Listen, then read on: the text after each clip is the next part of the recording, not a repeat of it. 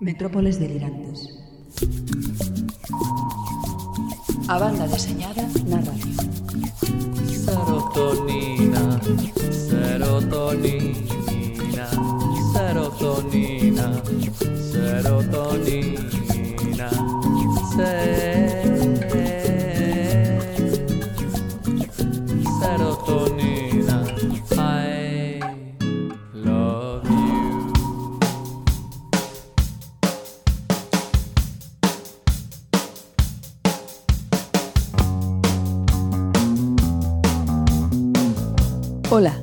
Son Nieve Rodríguez. Aquí comeza a 61ª emisión das Metrópoles Delirantes. Comezamos, como sempre, co señor B e as novas da BD. Nos imprescindíveis unha das obras máis nomeadas de Van Ham, o multimillonario e canalla Largo Winch. Embarcamos desta volta a Robledo, Óscar e Dani Xove que veñen a falarnos das súas últimas obras editadas polo Sindicato del Cómic de Ourense. No tempo das novidades, Simón, o libreiro do Sindicato do Cómic de Ourense, falarános das novidades máis interesantes no principio deste mes de Santos. A nosa técnico, Citerea, xa soltou as amarras. Partimos. Partimos.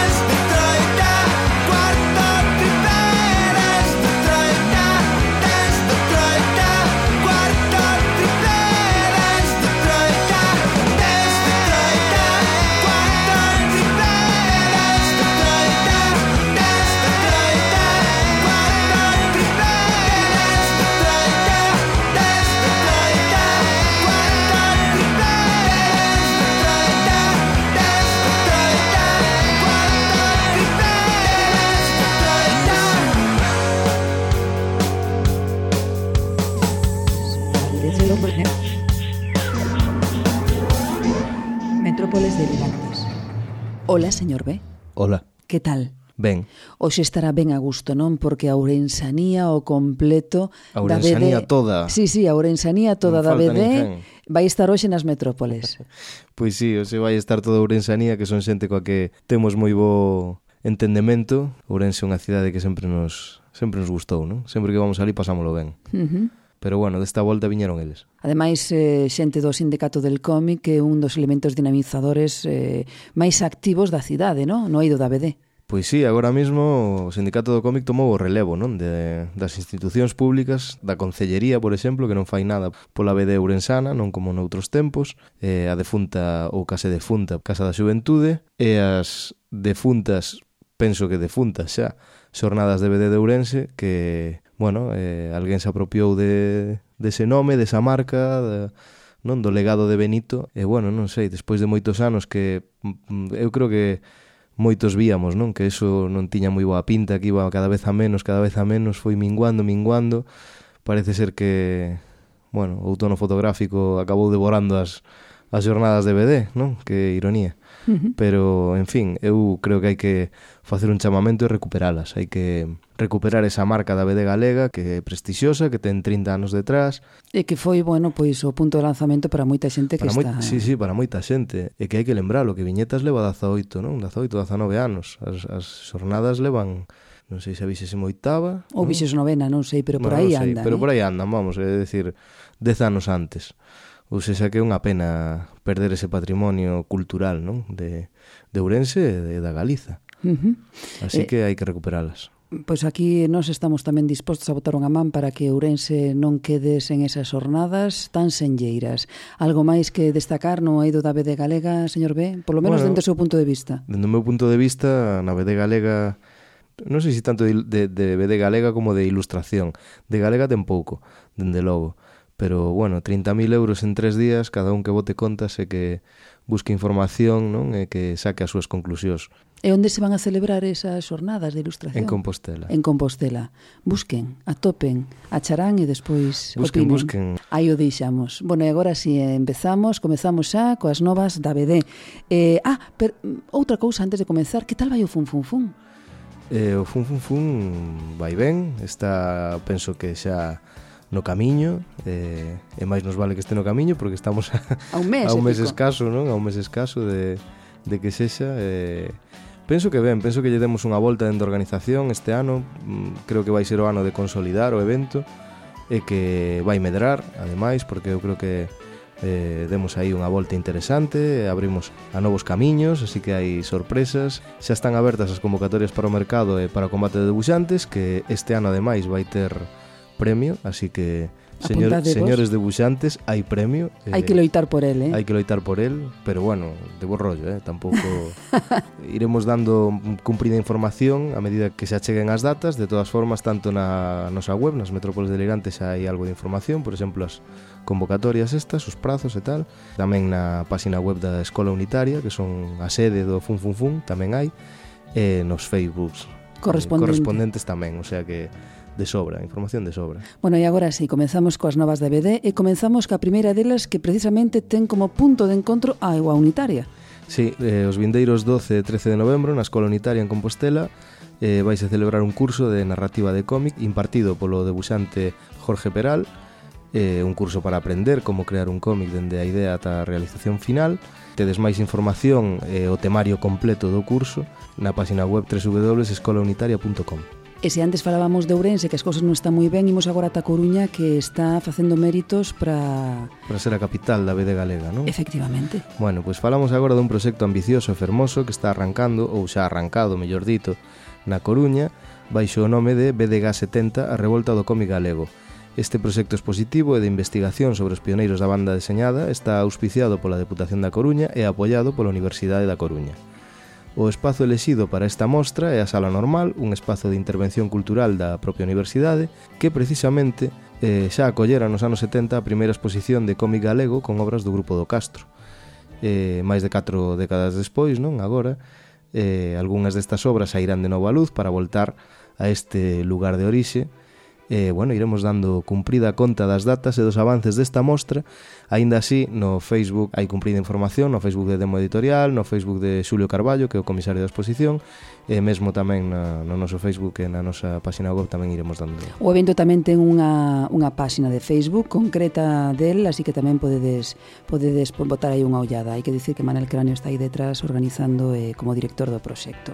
E agora si, imos eh, un poquinho máis cara ao norte, Taguecho Sí, en Guecho os días 12 e 13 deste mes eh, será o Festival de Manga e seguidamente os vindeiros 18, 19 e 20 de novembro celebrase a 15ª edición do Salón do Cómic de Guecho. Ao longo destes anos o salón foise consolidando como unha das citas máis importantes do mundo da viñeta non só no ámbito de Euskal Herria senón tamén do panorama estatal e poderíamos decir que internacional, non? Porque o plantel de estrelas, de obradoiros e de movidas que van facer ali é impresionante, non? Borja Crespo aí on fire, eh, deixando moi ben este, este evento, non?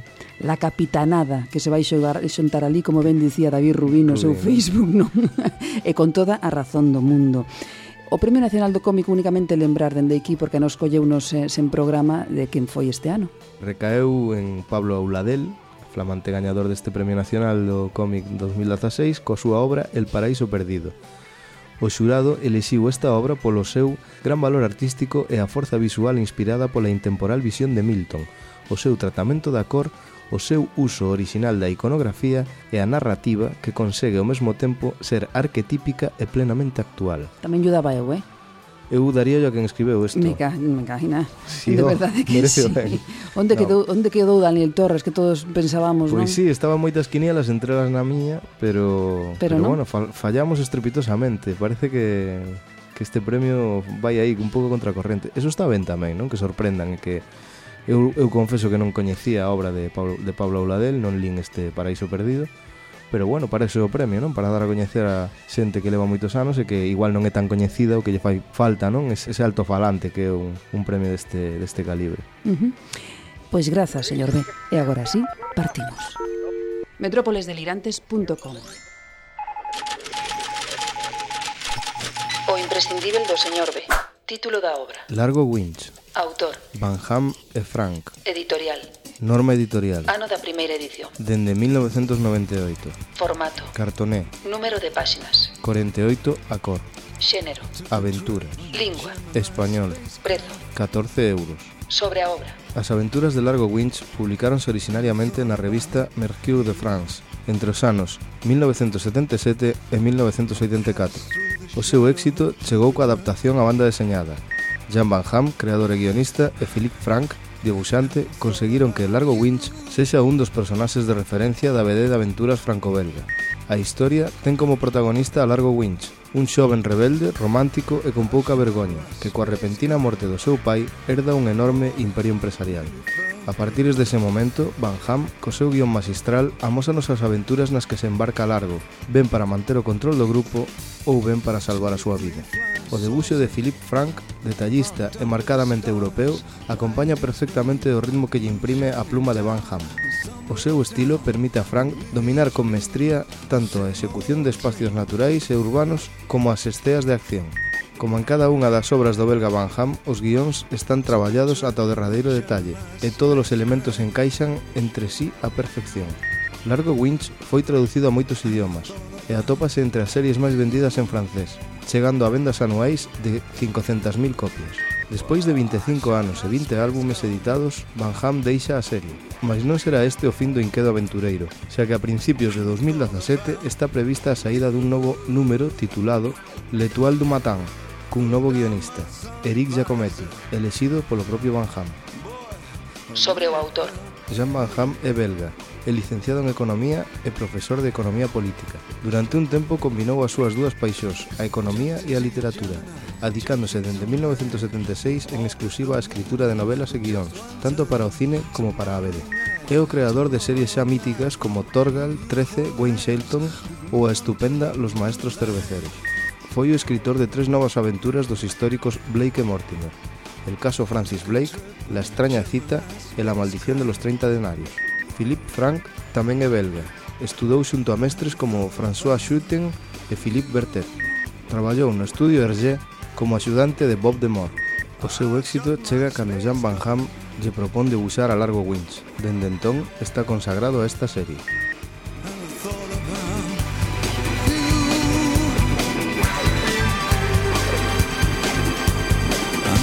Took a, I took a walk in space. Boy, I really felt Soñamos con vacas, soñamos con en garaxes herméticos, en herméticos, en garaxes herméticos. delirante. Imaginade isto. Abres o pano e temos unha editorial, dous editores e tres autores. Baixamos o pano como acaba o conto. Pois agora imos contar como remata e para iso temos aquí na mesa a Simón, que xunto a Ricardo son eses toliños que desde el sindicato del cómic atrevense a editar nestes tempos malos para a lírica. Mais no conto tamén falábamos de autores e aquí están tres dos catro que neste sintres edita el sindicato. Miguel Robledo, Dani Xove e Urbano Oscar. Só Inés Casarejos, que xa pasou por aquí hai un tempiño, pois non está na nosa mesa, nin tampouco Ricardo, que tivo que quedar en Ourense, eh, pois o frente da parte máis empresarial do negocio, que é a librería. Ricardo, dende aquí mandamosche un bicaso jordiño, inmenso, verdade, rapaces? Bueno, Bueno. bueno, que, que dixo, o que dixo bueno é o seu compañeiro socio que é Simón que, que está aquí con nós. Hola, Simón. Hola, que tal? Bueno, hola, rapaces, que tal? Hola, hola que tal? Eh, hola, señor B. Hola. que tal, Simón? Todo estupendo, como sempre, aquí sí. con vos, claro. bueno, estamos... Xa brindando. Oye, estamos moi ben, eh? non hai queixa. Mellor que na cárcel. Mellor que na cárcel, bueno. Eh, Imos ver, como credes que pode acabar o conto xuntando a tres autores, un editor e un, bueno, un señor B, nun mesmo espazo e ao redor duns chupitos de LK, polo menos dinamizando a BD galega, por suposto, non si? Eh, Óscar? Eu creo que sí. Eh, a mellor forma de empezar a charla a ver a onde nos leva. Ajá. Eh, eh, como acabará isto, Simón? Ti que, que dis? fatal, acabaremos firmando por outro cómic aquí con algún destes mazado perdido como os, como os tres estos en sí, cuestión. Di, di Dani que sí. Eu todas as veces que convencí a Simón para algo foi así. Sí? Normalmente cando hai licores acaba no seu sofá e logo lle vendo un cómic. Ah. Robledo, ti tamén conquistaches aquí a Simón para que te ditas así, eh, nun sofá. Eh, eu quería preguntarlle a liña editorial que Bueno, é unha pregunta que temos aquí eh, arranxada. Bueno, Simón, agora sí. Canto, canto tempo levades coa editora e que foi o que vos fixo aventurarvos eh. nesta tolemia que vos honra? Pois, home, non, nós non, non nos consideramos unha editora, é eh? máis ben, pois eso, da, da nosa pasta o ano que, bueno, dos beneficios ou tal, en vez de levar paga extra, pois invertimos un pouco en, pois non sei, en vez de invertir en publicidade ou que sexa, pois vemos máis chulo sacar cousas así, de, sobre todo eso, de amigos e cousas que nos gustan. E o primeiro foi aquí o, o Daniel Xove. Sí. E eso, mazaos como pollos, aí, sí, como me mola o que faz, non sei que. Quen tivera di cuartos para sacar, ah, fago no chover. tengo dinero, me lo pones tú. E a color, con sola pilla. Cantos un error. Ainda quedan aí, vamos. Sí, porque, eu teño en casa. Sí. Porque hai que decir que a primeira obra que se editou no sindicato sindicato del cómic foi o Effective Wonders Comics uh -huh. que é de, de Dani Xove. Non? Inda, inda quedan algúns por aí entón. Quedan un par de caixas. Sí, como, vos, como vos editores galegos foron moi optimistas e eh, a lo grande, a lo grande. Tiraron 50.000 exemplares. Pero canto foi esa tirase? Non, foron poucos, foron 400 así, pero bueno, para que as nosas no, intencións... Eh, o, o, que, o que pasa é que nos organizamos de puta madre para distribuílos, guai. Sí, non? Xa se nota, non? Si sí. damos queda... Sí, a veces abro caixóns, hostia, Effective Wonders. Sí. De puta madre. Ricardo te manda saludos. Eh. Sí. Ricardo, te a quiero. Nos, a nos unha vez un, un editor de poesía galega díxonos que en Galicia só había 400 persoas que, ven, que lían poesía porque non hai ningún libro de poesía en Galiza que tuera máis de 400 exemplares de tiraxe. que este agota, que teña segunda sí, edición. Se sí, señor. bueno, non sei se a distribución é boa ou mala. A nos chegou o, Stevie, o, o Effective Wonder a casa no buzón. Eh, eso quere dicir que está ben. Hostia, é verdad, que fora en plan allanamiento. Eh, exactamente, lembras? Que, que vivides nun sitio moi raro. Sí. sí nunha urbanización aí no quinto Sí, carallo. un día chegou un mensaxe dicindo. Donde vivís? Eu, pero pa que, quen este home, que quere? E, bueno, deixounos esa mandanguita boa no, fino, fino. no buzón, non? Bueno, pois pues foi así como comenzou, non? Sí, e despois xa sí. seguiu, bueno, pois pues Óscar e Robledo, non? Sí, vimos que eso, home, non se ganan cuartos, pero non se perden, e, eh? pois pues mira, é unha cousa que nos fai moita ilusión E eh, encantados, claro, na, na medida do posible. E agora ven a pregunta, Robledo, para el tamén. A vosa liña editorial está moi definida, non? Polo de agora, obras de formato pequeno, que fuxen dos tebeos de xénero, Por que escollestes, ti e mai Ricardo, estas características non para editar? Pois, pues, home, basicamente polos cuartos, é dicir... Sabía. Isto, vamos... A ver, a primeira experiencia con Dani foi de, bueno, saínos un pouco máis caro do normal, tal, e foi, pois, pues, aprender un pouco. Entón, pois, pues, dicimos, a partir de agora ten que ser en blanco e negro, un pouco máis pequeno, e que cada un fago que lle salga do... De aí, vamos que non hai problema, que realmente son cousas que nos propoñen eles, nós non temos máis que, que darlles pa diante, e pouco máis, e ir a escoller o papel.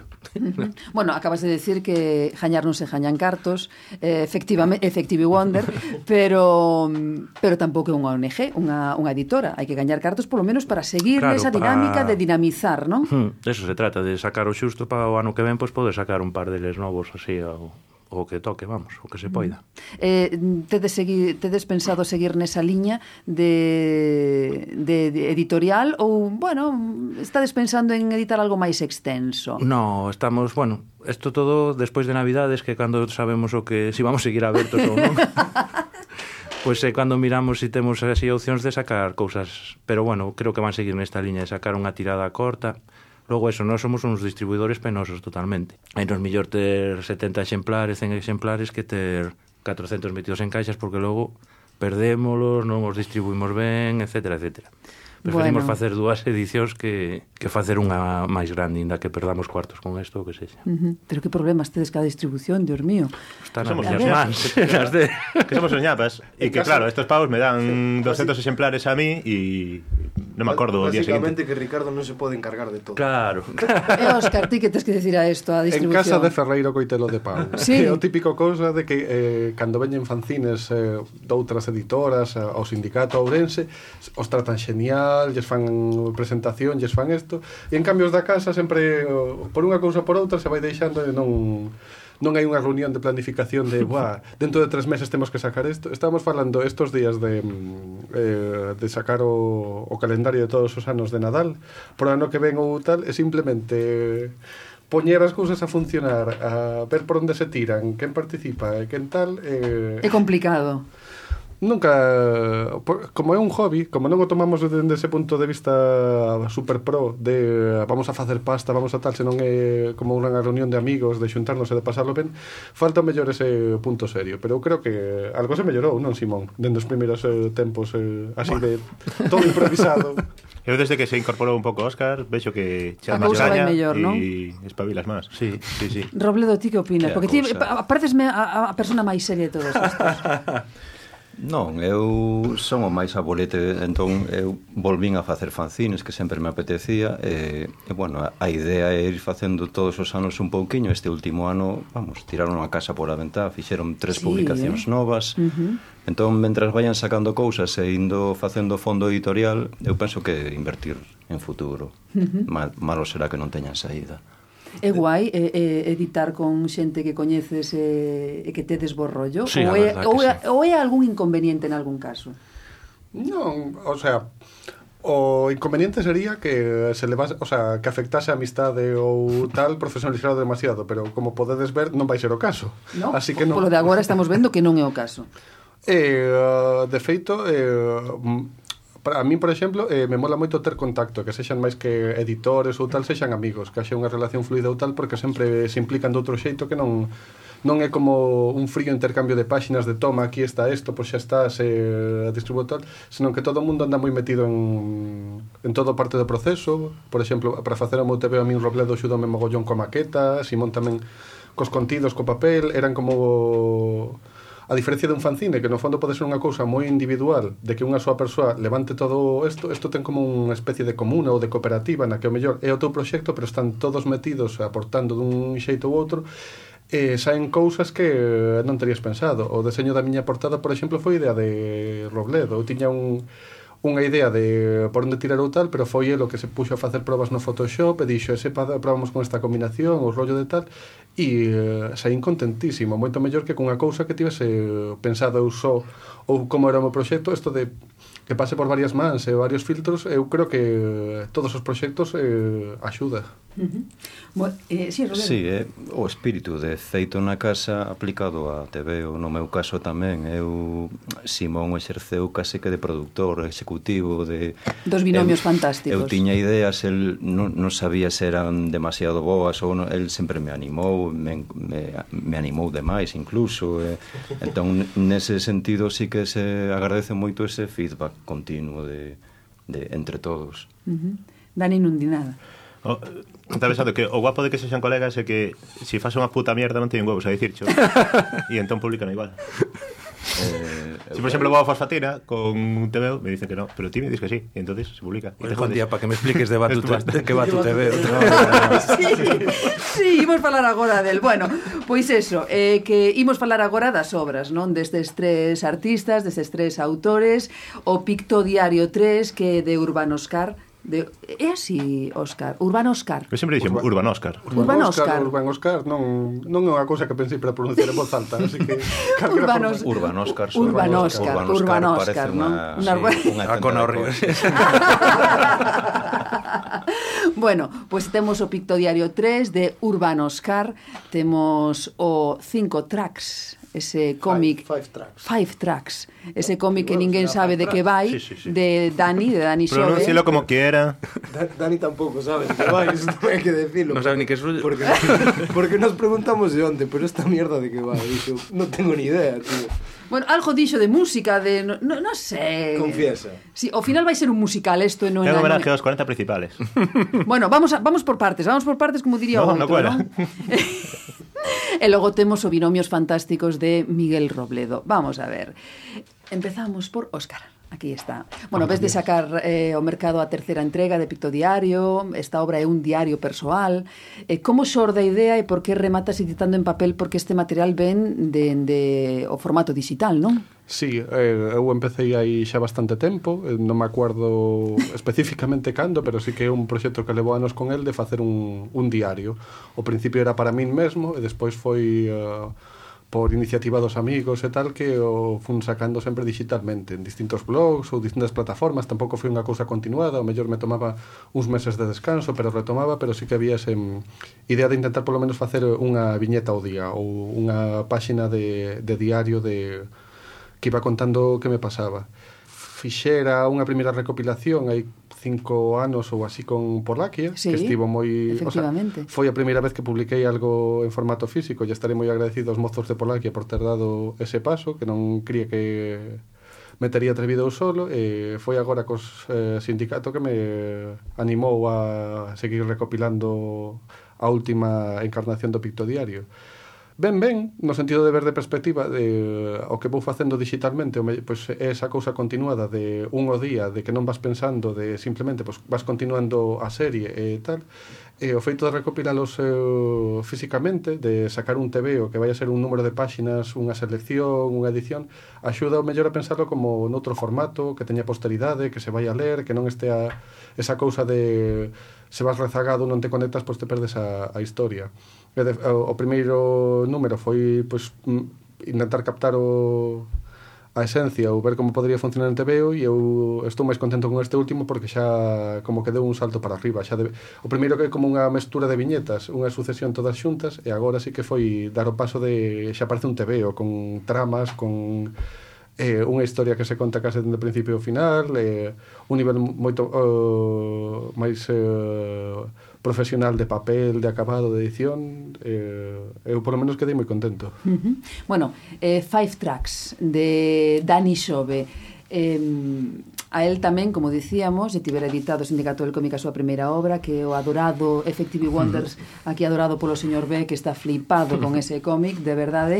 Eh, Su mejor ne... obra la primera, ya estás fuera. Ya. Neste cómic... Ya me no... puedo retirar. A mí, o meu plan era ter unha sobredosis de heroína e que dixesen que era un genio que moría joven. Eso é o que estaba esperando, que parezcas muerto. Ya, ya me jodí. Bueno, nesta, nesta cómic eh, volves a adentrarte en terreos difíciles e pouco traballados na BD. E algo difíciles, como por exemplo a hora de conectar co lector. Que é o que pretendes provocar con este cómic? Ou solamente pretendes provocar ou non sabes o que queres? Eh, non pensei no lector. Ah, non? no. Te la suda. Non, pensei en mí. Eu quería facer un experimento narrativo de algún tipo porque estaba tos huevos de facer tengo un proxecto moi largo que está aí medio abandonado e me estaba quentando a cabeza entón decidín tirar por outros lados e ocurriuseme a ver como explico eh, facer, facer unha, unha cousa ambiental eh, tirar dunha serie de estructuras desde o meu punto de vista pasa que o lectores eso pode ser casi imposible de ver eh, basadas nos ritmos da música e nas estructuras musicales eh, tiro de estrofas e tiro de bueno, pois pues eso, intento estructurar a páxina en base a non a un... Vai ter razón que non ten ni puta idea do seu cómic. é verdad. Pero, pero está defendendo moi ben. Bueno, eh. é verdad. Sí, sí, no, no, é que cando fixen o moi claro, pero non xa non me acordo de, de que cojones iba todo isto. Intentaba facer basar a estructura de páxina e de viñeta e de viñetaje non nunha estructura narrativa a uso, sino tirar de, pois, pues, dunha estructura musical, a ver que carallo pasa. E entón é unha cosa ambiental, por eso son cinco tracks, porque cada historia non é unha historia, é un uns tracks co seu... En realidad é unha, seus... é, un, é unha obra moi moi interesante, eh? dicir Eres a primeira persona que me di algo positivo de... Pero dis interesante porque non sabes decir outra cousa delo ou que? No, porque a min, a min bueno, eu teño que recoñecer que teño debilidade polo traballo de, de Dani, pero a min parece moi interesante este tipo de experimentos, non? De outro discurso, de buscar outras narrativas, de saírse de do, do canónico, ¿no? De, de tres actos, tal, non sei que. O que pasa que, bueno, a veces, eu creo que a frase que, que lle dixo a vostede un día, Dani, de non hai que entendelo todo, pois a veces tamén hai que ler cousas que igual non entendes, pero que, bueno, aí hai unha reflexión, e volves a ela, e volves a darlle outra volta, e para cada un ten un significado tamén. Uh -huh. É como unha obra moi aberta, non? Sí. Eh, sí, sí, sí. Non te enteraste de nada, Nieves. Eh, notase moito. Un poquillo. Bueno. Pero no pasa nada, tampouco me entero de nada. A mí me convenció, yo me lo voy a ler. Sí, sí, sí, Ay, Miguel Robledo, ti ves de editar o, binom o Binomios Fantásticos, un traballo cheo de sensibilidade, de poesía, tanto no aspecto gráfico como nos textos. Como xorde a idea de facer este traballo? Eu lin algo de que xorde a, pa a partir dun Inktober o do ano pasado, dos debuxos que tiñas, en base a unha premisa de Gianni Rodari. E que explícanos? Pois foi o Intover, a, a, o Intover para os que non o saiban é a plaga esta que asola para os debuxantes por redes sociais de facer uh. un debuxo a tinta ao día durante o mes de outubro que o fixo un, un, un debuxante americano que se chama Jay Parker e que funcionou moi ben eh, chegando a ser así trending topic e, eh, a, o, o asunto é desconectar un pouquiño do mundo digital entón uh -huh. o que fixen foi un debuxo dun persoaxe dos que aparecen por a libreta durante un mes. Bueno, fixen trampa, fixen varios o día. Eu unha semana. e despois Simón que os estaba vendo dicía que estaría ben facer como un libro de arte, a min parecíame un libro de arte parecíame que era un pouco vanidoso ou que, que podía quedar a medio camino, entón pensei en facerles unha microhistoria. Eh, tirei de Gianni Rodari, que eh, o, o concepto de binomio fantástico é a, a unidade mínima para crear unha historia e xuntar dos conceptos. Se tes dictador, non tes historia. Se tes dictador emo, adolescente, tes xa unha historia. Entón, eso, a partir de dúas palabras, argallaba unha historia así moi sinxela, algunhas tiñan sentido, outras non, eh, logo a xente pensaban que tiñan sentido e, eh, e foi iso logo foronse conectando unha, unha entre outra entón sí que é certo que hai un, un digamos como un fío sí. en todo en todo en todo o álbum. Eu o que veixo, bueno, a min encantou o libro de verdade, Miguel, teño que que decir que non tuve a oportunidade de decircho. Un halo de misterio, non que envolve cada microhistoria É difícil atopar ese equilibrio xusto entre texto e debuxo para en poucas liñas captar a esencia dese personaxe e dotalo de identidade?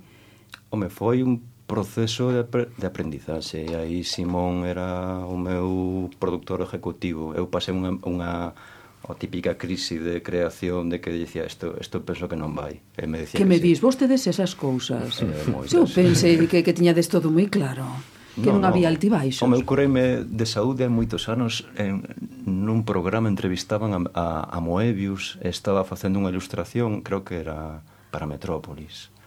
Eh, e decía que acababa de chegar ao punto do que o famoso punto onde non lle apetecía continuar, que parecía que todo estaba mal, pero era o punto no que había que continuar. Entón se lle pasou a Moebius. Mm. Entón xa quedou establecido como que era algo normal. Pero sí, sí que pasa. Uh -huh. E ti como foi ese, ese proceso? Dicías que foi un, un proceso de aprendizaxe, non? E... Sí, porque eu son medio tartamudo, disléxico, son moi malo escribindo, eh, moitas veces me parecía que eran textos moi pretenciosos, outras veces pensaba que eran demasiado complicados, outras veces moi sinxelos, Mm, foi un proceso de aprendizaxe despois, eso mm, Simón foi así, digamos que o responsable de que fose para diante Ai que Simón, que imaxen teño agora mesmo de ti, cambiou todo dende hai eh, 15 eh. minutos eh. ah! Óscar, ai, eu, sí. eu quero dicir unha cousa. Ahora deberíades devolverlle o favor a Simón e ser vos produtores executivos e obligalo a que el faga algo. Porque, sí, sí, porque el debusa eh, tamén. Be, mundo, xa tiramos a toalla nese sentido. Sí. Levamos moitos intentos. Eh. Sí. Que no, é que, no, non te, o, sea, o irónico desto é que un debuxante a tempo parcial monte un editorial e sea incapaz de montar un proxecto propio, que normalmente estas cousas xorden a partir do ego de cada un de me vou a facer eh, un editorial para sacar as miñas cousas e logo se hai tempo, se... Sacaré as cousas donde paguen. ¿no? Eso usou un reflexo da, só como unha metáfora da BD galega. Na BD galega só hai un ego. Eh, e o resto, pois, bueno, van loitando así e tal, non? E xa Como? Desarrolla eso, ¿eh? Non, non elabora, elabora. Non podemos, non podemos dar máis pistas, pero Óscar entendeume perfectamente, perfectamente. É simplemente no, convencer Oscar aquí o, o señor Blanco de que faga oito páxinas de facer un fanzine colaborativo, rollo tal. Esta, o sea, esta xente me encanta porque enchen libretas. De feito, se os coñecedes en persoa, sempre levan un caderno encima, pedidelle que vos deixen velo e veredes como que teñen páxinas e páxinas de estudios, de bosquexos, de ideas, de apuntes apuntes e tal, e despois que seguen capaces de convertir todo iso en cousas que se poidan ler ou publicar ou que a xente poida ler ou tal, e tal despilfarro de creativo de tal, estamos intentando canalizarlo de forma útil, pero non se dan por aludidos, non, non sei se conseguiremos. De feito, tiroume a torpe de home dicindo, ti queres que a túa filla non teña nada que lerte ou... que cabrón. bueno, Const... da Eh, sí. Con Simón intentamos cos gatos, pero os gatos non. Claro, porque bueno. non, non, non, teño corazón, non teño... Hai que secuestrarlle. Lo que pasa é que eres un puto vago, tío. Secuestrarlle os gatos e amenazalo con cortar un cachiños. No, pero sí, sí que é certo que Simón eh, o comenta tamén incluso o profesor de o Luis. Luis Carreira, que foi o seu profesor na escola de Artes, que Simón é o seu mellor peor alumno.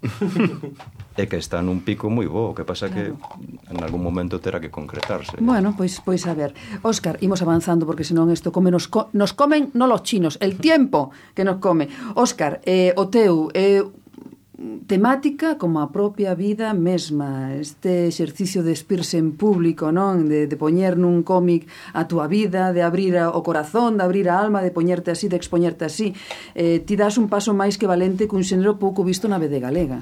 É unha cousa que me raya ás veces, porque sí que non é nada habitual entre os colegas ou tal, de feito, salvo Inés, que ten feito tiras así de cine, vídeo da, eh, do videoclub, eh, Bernal Prieto, que tamén ten algunha historia autobiográfica, e María Hortas, que, o sea, se poden contar cosas dunha man a xente que, que fai autobiografía, a maioría fai ficción, eh, sempre me eh, teño ese punto de que non encaixo, pero eh, non sei, para min eh, é o xénero ideal, o sea, eu creo que mm, a autobiografía crea un pauto colector eh, de, do que lle estás contando, de dunha sinceridade ou dun tal, e ao mesmo tempo é como un work in progress, de eu non podo planear a miña vida como vai xurdir ou como vai pasar, eh, podo ter eh, querer que sexa dun xeito, pero logo se empeñan a sair sempre do contrario ou isto. Entón é como unha especie de simbiose, de relación entre vida e arte, e o que fa, o sea, se retroalimentan.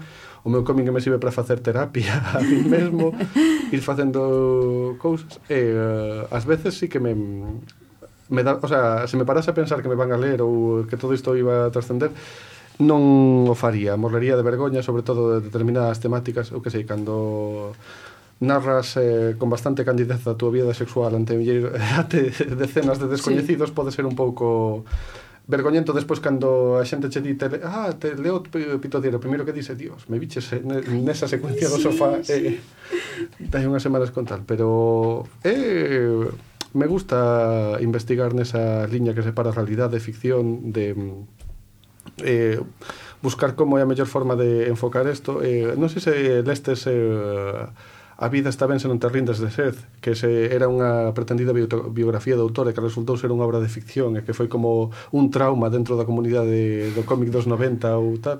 A mí me gusta investigar por ese filo que xa de Cram, de toda esa xente que non ten pudor e que se autoflaxela en público e por aí vou. O que pasa é que molaría máis que non ser o único e non estar aí eh, tan exposto. Tan exposto, pero bueno, eh, eu creo que a xente acabará sumándose, todo o mundo perderá a vergoña de contar as súas intimidades en en viñetas, en cuadriños. Bueno, Dani, eh, Dime. Lin, lin, ai, lin fai pouco no Facebook ibas a deixar o cómic. Bueno, a que te vas a dedicar eh, agora? Non dixen que fose a deixar o cómic, dixen que iba a deixar o cómic de momento. Porque está todos huevos. Eh, e por que estás a tos huevos? Tan difícil esta cousa. Eh, porque é complicado, sí, e porque quero facer outras cousas e de outros tipos. Que queres facer? Pois estou... cabaretera. Estou metido Carabare- cabaretera, dactilografía... Sei, Pero- estou facendo un curso de detective privado ahora mismo. Pero, Dani, Paracaidismo, aeromodelismo... Como se chama? Filactelia. Resultou, Di Robledo. Non sabía como se chamaba, pero Atácalle, fago, atácalle aí, Robledo. Con cantas páxinas queres deixar esa historia? O que que historia? A de que tes medio acabada. Cento e pico. pero que queda outro tanto, joder. Me da, no, no, me reventa a cabeza, joder. Déjame en paz, déjame vivir. unha cousa. Quero ser feliz. Unha cousa, eu queria che preguntar unha cousa. Este cómic que fixeches, no cómic hai liña clara, liña chunga e o teu que este liña macarra, non que é isto? non penso, non sé. No, como? Eu traballo en vectorial e entonces sale a línea que sale no momento en que debuxo. Eu, eu creo que eu creo que Dani o, o, o autor galego con máis capacidade para facer imaxes icónicas casi de cada viñeta. Hmm. Sí. Entendeches algo? Eh, a ver. Continúa. Sonou guai, sonou guai. No, porque non, non che vou facer máis a pelota. Pero... Joder. No, eu, que despois me tratas mal, además. Comentelle que mm, debería ser famoso facendo camisetas eh, sí, sí, porque... Sí, sí. Pues Robledo defendeume. Pazara. Eh, eh, pazara, talento... pazara curramos todos. Sí, Amancio, sí. manda el dinero, Amancio. Bueno, aquí talento non vos sobra a nin, non vos non vos non vos sobra, non, non vos falta a ningún, a, a ningún, min, bueno. Inclu, inclusive ti, eh, Simón, eh, que eu vinche algunha cousa e é fantástico, fabuloso. Eh, bueno, en que andades que se poida contar? agora mesmo, aparte destos tres tres xollas o sea, que están xa... Dani, estes negocios turbios non. No. Filactelia, dactilografía... Aerodem, aeromodelismo... aeromodelismo eh, non sei... Estás organizando algo, non, por aí Todo, agora? Sí, estamos aí uns colegas e eu intentando montar unha especie de asociación cinematográfica para facer cousas para a nosa banda. Estamos aí ensaiando, prove error, cosas que non sabemos facer. E estou escribindo guións e facendo esas historias. E ahora mismo estou intentando gañar vida basicamente como ilustrador. Uh -huh. E os cómics, cando me vou a apetecer, xa os farei e chamarei a Simón e diré, publica isto, te mato. Porque Fosfatina non te lo va a publicar. No, no creo. Ellos se los leen antes. Óscar, ti? Eu sigo intentando publicar polo menos unha viñeta do Picto Diario o día en eh, bastante fácil de buscar en Google e seguro que se atopa a páxina de Tumblr ou Instagram ou Eso, decide onde podedes ver as vosas obras tamén, eh? Pois en urbanoscar.tumblr.com e senón tamén hai un Instagram eh, urbanoscar guión baixo tal. Eso intento utilizarlo unha vez ao día para cumplir este pacto tácito de unha viñeta polo menos o, o día de diario ou tal e espero que no sindicato teñan a ben seguir recopilando eh, puntualmente o mellor unha vez o ano ou dúas veces o ano eh, un best of eh, en papel, a ver se agora despois de Aninovo, cando se vamos eh, como foi como os excedentes de, da tenda se se pode volver a recopilar ou non. En papel de váter mm. ou algo Miguel? así. Eh, eu deixei o cómic varias veces e vou estou facendo unhas páxinas de proba con guionista, a ver, a ver se vai para adiante. Bueno, e logo sigues traballando como ilustrador nas sí. túas cousas, non? Que tes unha actividade máis potente. Sí, hai anos que traballo prácticamente de ilustrador, publicitario, editorial, basicamente. Pois pues nos acabas de dar unha gran noticia eh, co respecto ao cómic, a ver a se ver, a ver. Sí, temos moitas ganas de ler algo teu en, en cómic, porque, bueno, Miguel Robledo, todos son maravillosos, pero Miguel Robledo é un nome como con moito peso dentro da BD galega no eido da ilustración e, e do cómic, esperemos que tamén, así que aí estamos desesando velos. Eh, podedes facer unha recomendación de algún cómic, xa que estamos con autores de cómic? Rapidiña. A ti, Simón, non, que despois xa vas recomendar os teus. Eu sempre recomendaría algo de Alan Moore, que é un dos meus autores favoritos e eh, está a punto de retirarse, pero eh, sempre lle están publicando cousas.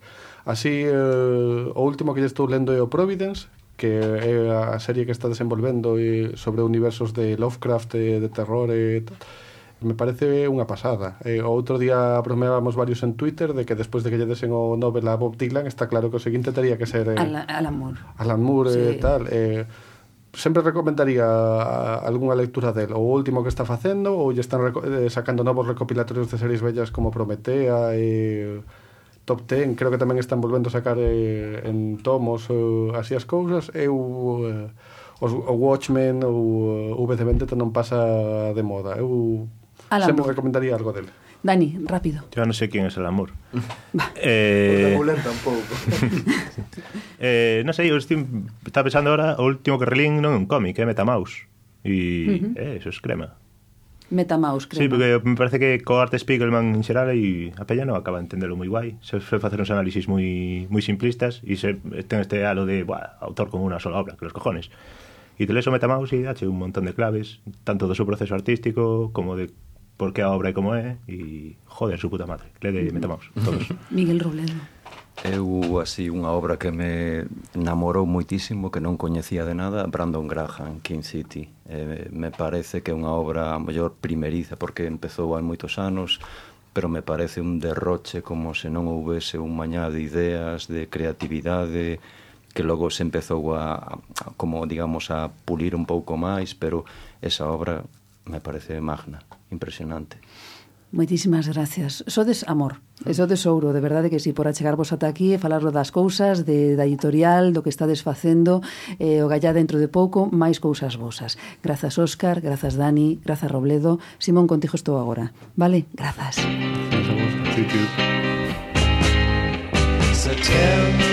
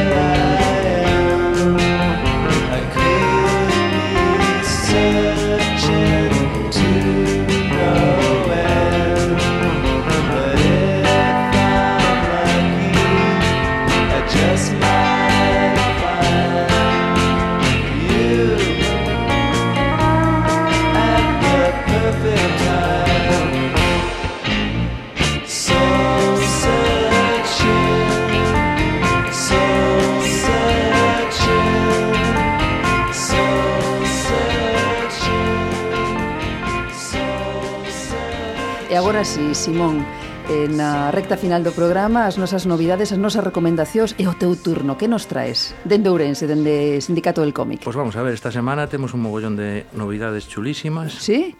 É unha Pero que... gustouche todo? Todo non. de feito, veño reseñar unha que non me gustou absolutamente nada, pero bueno. Caramba, cale. É unha sorpresa aí. Sí, sí, sí. pois pues mira, o, o renacimiento do universo DC que parece ser que non lles mola como vai o tema e volven despois de moi pouco tempo a, a resetear o universo, a empezar todos os números un outra vez. E isto pois, é un, un número no que bueno, nos introducen a, a esta ruptura. Non me gusta, o sea, Jeff Jones creo que dixo en Estados Unidos que a que non lle gustara o TVO devolvíalle personalmente o, o diñeiro. O a pasta. A A min debeme 15. Se alguén ten o número deste señor... Pero bueno, fora de, de eso, pois pues é un un non sei como chamar, un evento importante porque bueno, vai dar eh, orixe a, a, a mogollón de series e eh, outro tipo de de, de produtos. Sí, pero bueno, uh -huh. en realidad foi unha cousa que eu xa creo que vimos bastantes veces que Flash dando voltas polos planos diferentes con mogollón de textos de apoio de diferentes cores incluso volvemos a ver como matan os pais de Batman eh, xa está, non hai así os dibuixantes cumplen pero non é espectacular, bueno, basicamente é para enterarte de como vai a empezar o, o tema. Hai un cliffhanging final aí que a, habrá quen lle guste, a min puxemos pelos de punta a ver que fan. Pero bueno, hai que, eu que sei, un, é un evento, non? De, bueno, pois nada. Volvemos pues, a pois, empezar. Sí, sí señor, aí está, para quen queira aventurarse neste cómic, eh, eh que queira pedirlle os cartos claro, de volta ao autor, bueno, pois pues, Teñen a opción de, de pedirlle os cartos a Jeff Jones. bueno, pois seguimos, agora cos que che gustaron. Pois pues ahora, mira, en contraposición a este, pois pues temos un TVO da, de, de Marvel, de Panini, moi chulo, que é Monger, Mongel and Devil Dinosaur, que está escrito por Brandon Monclair en Yami Reader, y los dibujos, bueno, el dibujo eh, es de Natacha Bustos. Y el color, que está muy chulo también, es de Bom, Bombillain. Bombillain, no sé, tenemos aquí a Oscar, igual me puede ayudar con los idiomas, pero bueno. ¿Qué pasa? Que es un, un TVO muy entretenido, no hay, que, no hay que leer nada absolutamente en contraposición a lo del universo DC, que tienes que saber bastantes cosas previas al tema. Aquí no tienes que saber absolutamente nada. Es una chavalita que va a tener contacto con un dinosaurio majísimo y va a haber piñas aquí para todos. entón, eh, está garantizado, non, a diversión lendo este cómic? Sí, sí. Eh, bueno, eh, eso, descarta, eh, destacar que ten, bueno, mogollón de onomatopeyas chulas, colores moi vivos, unha relación así moi moi dinámica na liña do que pode ser Spider-Woman, Chicardilla, Miss Marvel, todos estos que son moi chulos, que podes ler individualmente, eh, que, vamos, eu diría que, vamos, garantizache a, a diversión. Bueno, pois pues aí está con unha rapaza ah, de aquí. Ah, dime, dime. E tiene unos extras chulísimos. Ah, tiene, ¿sí? sí, viene con, bueno, aparte de las portadas, lo que es el guión, viene un poco explicado el, el trabajo de una página de, de, la, de Natacha Bustos que no solo es ver cómo, pues, pues es cómo afronta, ¿no? ¿Por qué, por qué hace las cosas, ¿no? ¿Por qué ponen las viñetas de esta manera? ¿Qué busca? Está, está muy chulo. Bueno, muy aí recomendable. está. Aí está ese Mungel, chamase o cómic. Munger Munger. and the Devil Dinosaur. And the Devil Dinosaur. Está en, en dicir, está en Sí, castelán sí, a sí, venda, sí. sí, non? Vale, pois aí está esa segunda recomendación. Bueno, esta é a primeira recomendación. Eh, seguimos con Pues vamos a pasar ahora, por ejemplo, a Leñadoras. Veña. Que saca Sapristi, esta editorial Sapristi, que saca cosas muy chulas también. Leñadoras son un grupo de cinco niñas que van a un campamento de verano para chicas molonas, que tiene un nombre muy largo, muy chulo, y ya solo con eso pues ya te, te gusta. Esta serie llevó la, el Eisner a la mejor nueva serie y el Eisner a la mejor serie adolescente. Después, los personajes son, son unas chicas que van a un campamento de verano y se tienen que conseguir sus insignias, unas historias entre lo fantástico y la aventura tipo los Goonies. Una- uno de los puntos fuertes quizás sea lo, lo- lo carismático de los personajes, están muy bien tanto a nivel gráfico como de personalidad, de tal, y muy expresivos. Entonces la chica que lo hizo pues también tiene un, un cómic que creo que era web o algo así, yo lo leí por algún lado, que era Nimona, que era muy chulo, y trabaja en la hora de la aventura, que se nota un poco el, El el estilo, tema este sí. de la hora de la aventura, sí. Y vamos, otra cosa más que recomendable. Más que para todos los recomendable. niveles, sí. Eh, seguimos con Pues vamos con Basura, por ejemplo, de Astiberri. basura, leñadoras, basura, Mungel, Dios mío, veña, dalle. Todo fácil. Pues Basura es el cómic, el segundo cómic que me leo de, eh, este tiene nombre como de los Simpson, de Derf Back Derf, que es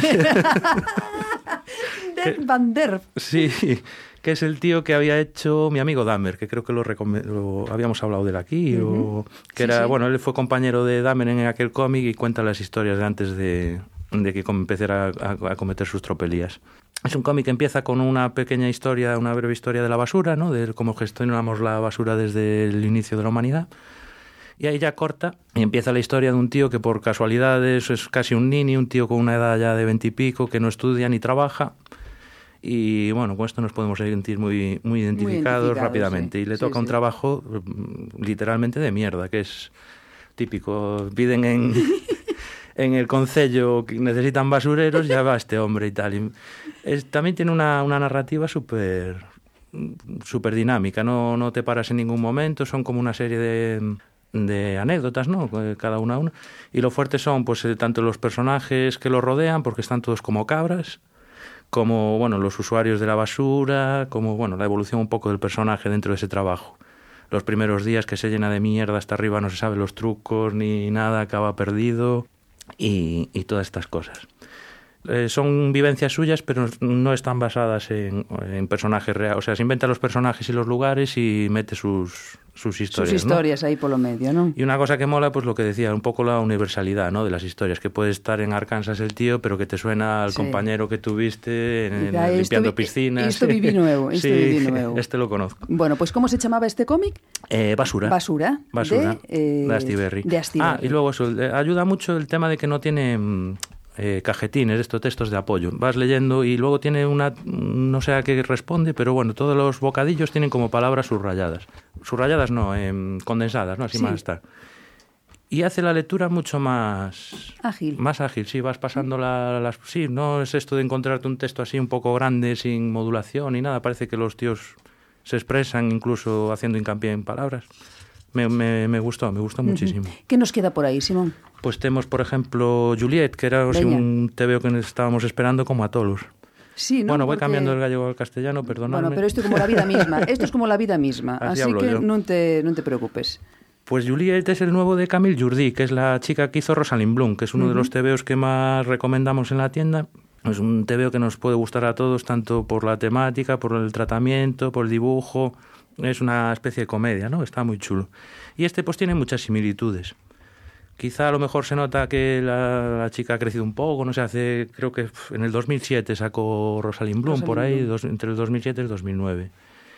Y es un TVO con muchas similitudes, una chica que llega de París a un pueblo pequeño, al pueblo donde se crió, y todo el microcosmos este que le rodea, ¿no? El familia, un padre divorciado, la madre se fue con un, creo que era un pintor, eh, la hermana tiene problemas, tiene un amante loquísimo, sus sobrinos, un, algún vecino de por allí, bueno, es un... Es Va, que non se un- aburre a... Sí, y luego pues eh, también lo mismo, no tiene textos de apoyo, está todo muy bien narrado, con viñetas sin, con, con marco, sin marco, eh, la tipografía hecha a mano también, incluso hasta, si te fijas, hasta los vestuarios de los personajes son una pasada, van cambiando, bueno, en general, o sea, no, me parece súper recomendable de los más chulos que llegó a...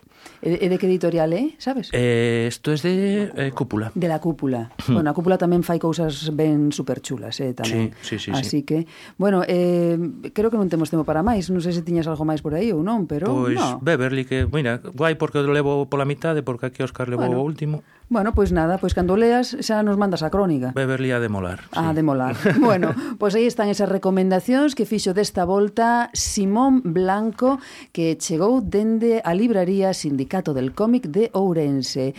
Eh, estás acalorado, Simón? Sempre. Moitísimas grazas e ata a próxima. Moitas. Me echaron droga. Delirante. En el colacao. Remata aquí a nosa viaxe pola mar da BD que comezábamos coas novas.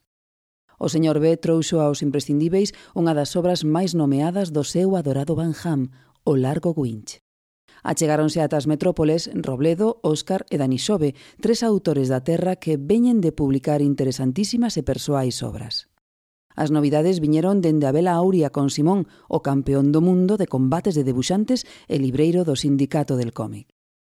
Seguimos falando en metrópolesdelirantes.com e tamén no Twitter en arroba metrópolesd. E lembrade, lede banda deseñada, que nin a especulación nin o sectarismo neocón poden parar a choiva. Metrópoles delirantes. A banda deseñada, da radio.